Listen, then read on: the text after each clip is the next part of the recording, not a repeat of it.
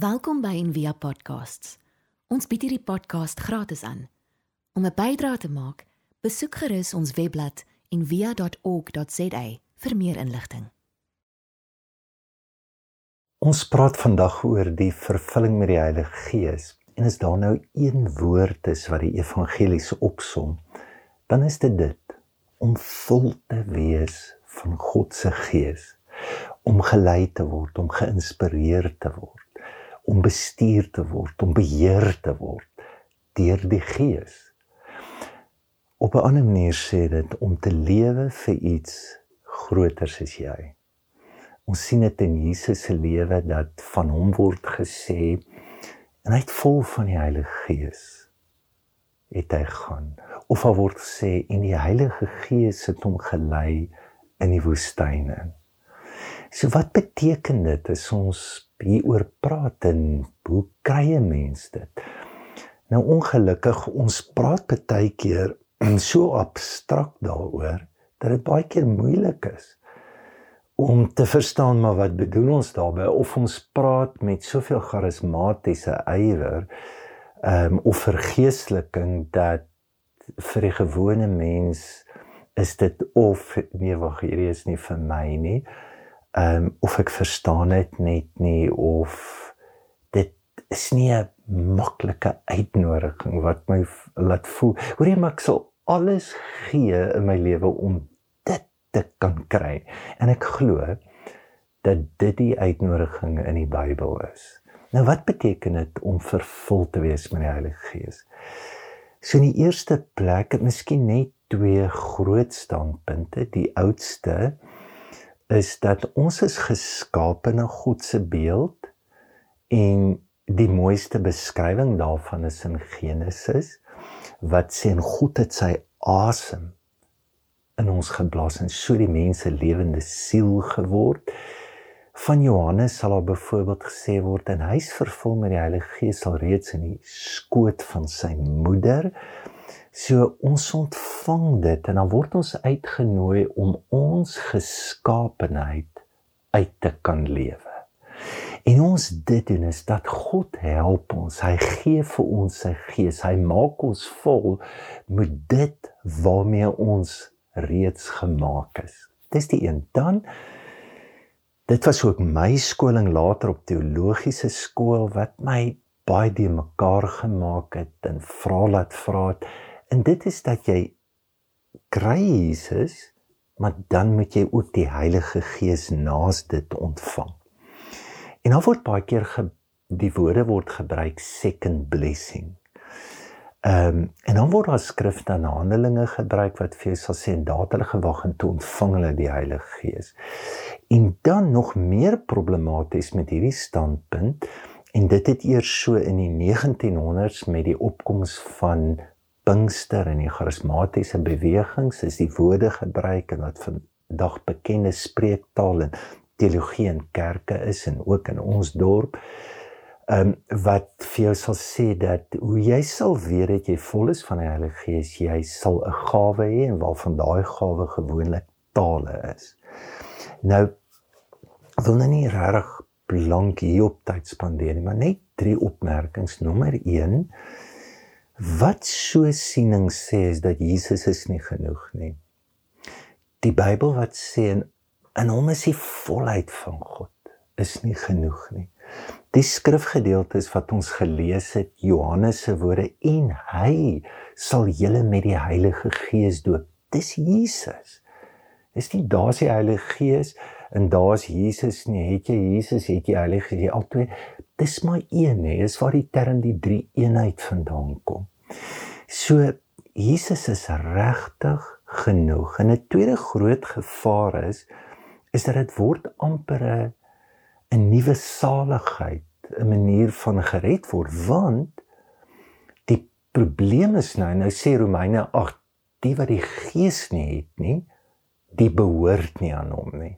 So die teken word so groot dit kategoriseer sê wie het die Here en wie het nie die Here net die tekens per se is ook 'n probleem. Ek persoonlik dink dat um, dit gaan regtig nie oor die gawe nie.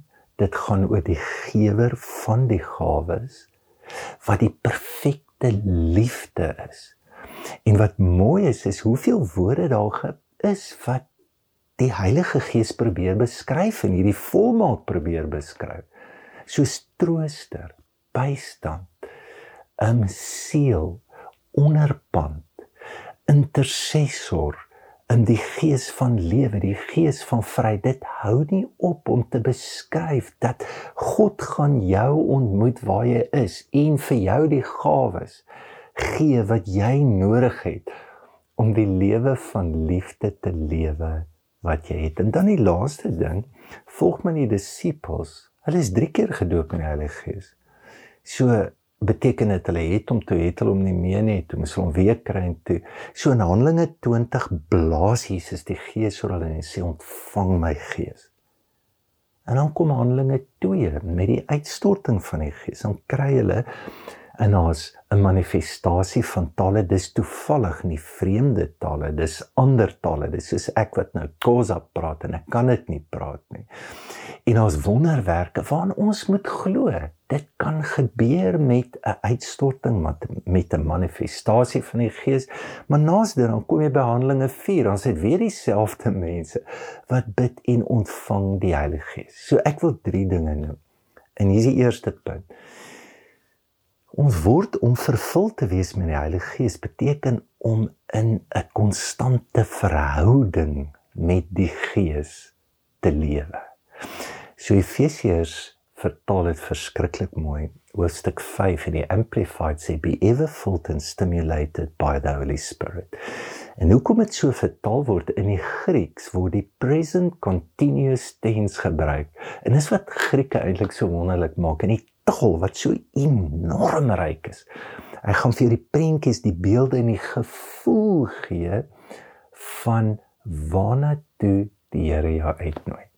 So ek dink hier's 'n manier om daaroor te praat. Ek onthou hulle vir iemand vra, "Is jy gered?" Dis sê ja, ek is gered, maar ek word ook gered want Jakobus sê ontvang met sagmoedigheid die ingeplante woord wat in staat is om jou siel te red. So my siel word ook gered. Hy sê en ek sal eendag gered word. Dink ons hierdie Gees. Gees is hier nou in ons en daar's ook 'n belofte dat in die toekoms dat die Gees ons sal volmaak, ons in stand hou. En um, Paulus raak so prakties kyk as hy sê nie vir jou gaan na die Heilige Gees konferensie of gaan na daai kerk toe hulle bid elke Sondag gaan kyk die Heilige Gees kry. Hy sê word vol van die Gees en dan gee hy sommer vinnig drie goed. Hy sê spreek onder mekaar. Hoe praat jy? Jou praat veroorsaak dat die Heilige Gees mense stimuleer of destimuleer.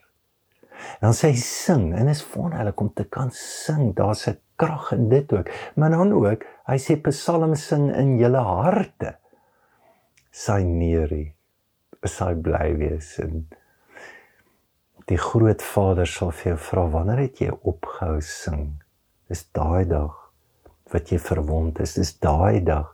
Dis die blokkade. Dis die plek waar die Heilige Gees in jou lewe wil inkom. In die tweede plek ons ken die frase live and let live. So let live so jy gestimuleer word met die Heilige Gees. Die woord gees pneuma in Grieks beteken wind, asem of gees. So in dis die mooiste verduideliking is eintlik as jy wil weet waar's die gees is, hoe haal jy asem? Al die vrugte van die gees is emosies en jy sal sien dat daardie emosies laat jou ontspan, bring jou na diep asem toe.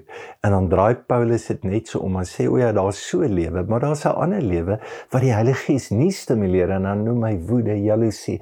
Is alles goed wat jou asem wegneem uit jou.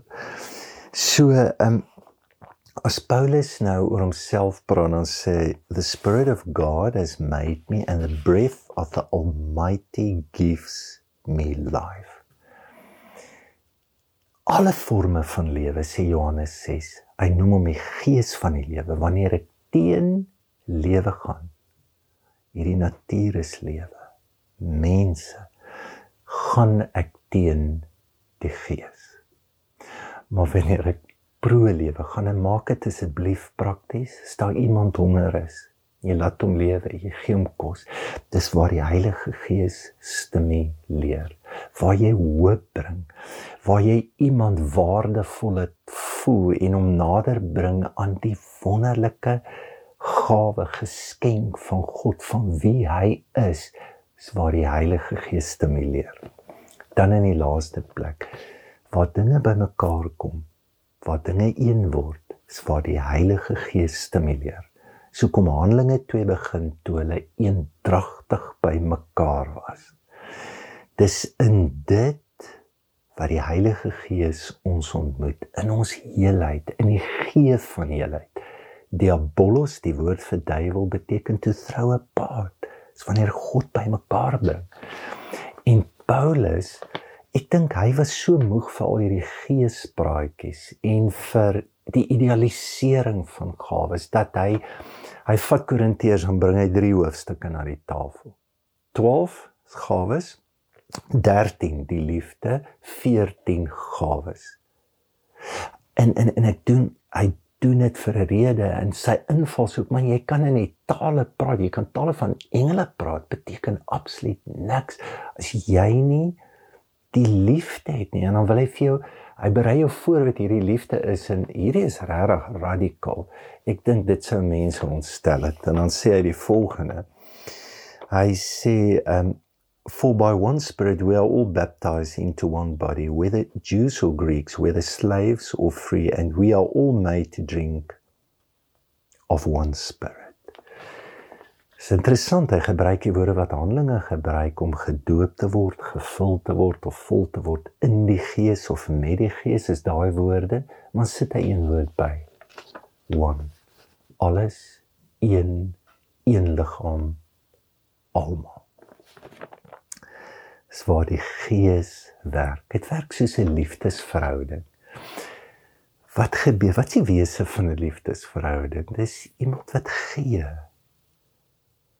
En as iemand wat ontvang en wanneer jy ontvang, word jy dankbaar en uit daai dankbaarheid wil jy teruggee. Kan jy sien as wederkerig om vol te word, moet jy eers leeg word. En dit binne die leegheid waar daar weer 'n volmaak kom en al genoem is 'n mooi beskrywing van die drie eenheid dat God gee in sy seun. Gee alles wat hy het vir sy seun en in sy seun maar die seun gee alles terugvoel. En hy teruggee sa dankbaarheid, dan gee God weer 'n volkomme verhouding, maar in daai beweging ontstaan die Heilige Gees of die energie of watter woord jy ook al wil gebruik. En dan is daar 'n spontane vloei en 'n beweging in ons lewe van die diepste diepste liefde wat daar is. En dit is maar hoekom Paulus hy sluit Efesiërs 5 as hy spreek onder mekaar sing en so hy sê ever giving praise and thanks to God. Das das die teken dat ons voor dankbaar in ons eie onvergenoegdheid ons eie ontevredenheid met onsself met mense met hierdie skepping is baie keer die breek van die vloei wat God so begeer wat tussen ons en hierdie aarde en hierdie wonderlike skepping kan plaasvind. Mag jy ervaar hoe die Here jou volmaak. Elke dag, elke oomblik. Mag jy voel soos wat Paulus vir Timoteus sê, wakker die gees in jou aan, is die woord verblaasbalk mag jy voel hoe deur jou koneksie met ander jou jou begeerte om lewe te gee jou te bring in die dissiplines waar die Heilige Gees stimuleer in ons gebed in ons stilte op daai plekke mag jy voel hoe hy blaas hoe hy jou lewe gee hoe hy jou verbind aan almal wat naby aan jou is aan almal wat ver van jou is aan goed wat jy nie verstaan nie, aan die paradokse van die lewe. Mag jy voel hoe God jou anker in 'n diep, diep vloei. Kom ons bid saam. Here, wil U nou blaas met die Gees oor ons. Amen. Baie dankie vir ons saamkuier vandag en baie dankie ook vir julle ondersteuning aan Ivia. Jy kan nou deur SnapScan gee of jy kan sommer net op die web loer, daar is ook ons al ons besonderhede is daar. En loer gerus ook waarna toe die geld vloei in die gemeente. Ons is regtig dankbaar dat dit 'n verskil kan maak en lewe kan gee waar dit moet. Geniet die dag. Ons hoop van harte jy het hierdie podcast geniet of raadsaam gevind. Besoek gerus en via.ok.za vir meer inligting.